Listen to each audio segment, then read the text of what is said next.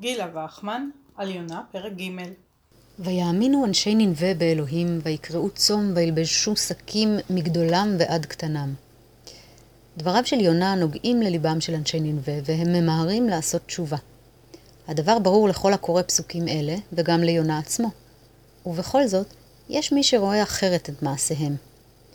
אמר רבי שמעון בן לקיש, תשובה של רמיות עשו אנשי ננבה. מה עשו? רבי חונה בשם רבי שמעון בן חלפותא, העמידו עגלים מבפנים ואימותיהם מבחוץ, סייחים מבפנים ואימותיהם מבחוץ. והיו אלה גויים מכאן ואלה גויים מכאן. אמרו, אם אין מרחם עלינו, אין אנו מרחמים עליהם. וישובו איש מדרכו הרעה ומנחמס אשר בכפיהם. אמר רבי יוחנן, מה שהיה בכף ידיהם החזירו, מה שהיה בשידה, תיבה ומגדל, לא החזירו.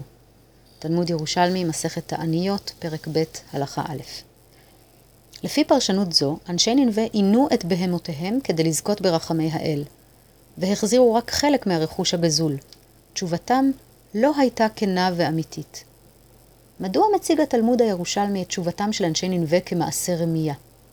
הסיבה לכך נעוצה כנראה בשימוש שעשתה הנצרות הקדומה בסיפור זה. בברית החדשה נזכרים אנשי ננבה כתוכחה לישראל, שאינם שומעים בקול שליח האל. אנשי ננבה יקומו במשפט עם הדור הזה וירשיעוהו, כי הם שבו בקריאת יונה, והנה פה גדול מיונה. כך במתי י"ב פסוק 41.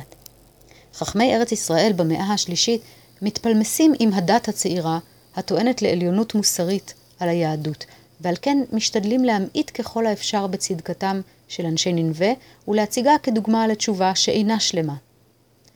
מדוע בכל זאת נקרא ספר יונה ביום הכיפורים בבתי הכנסת?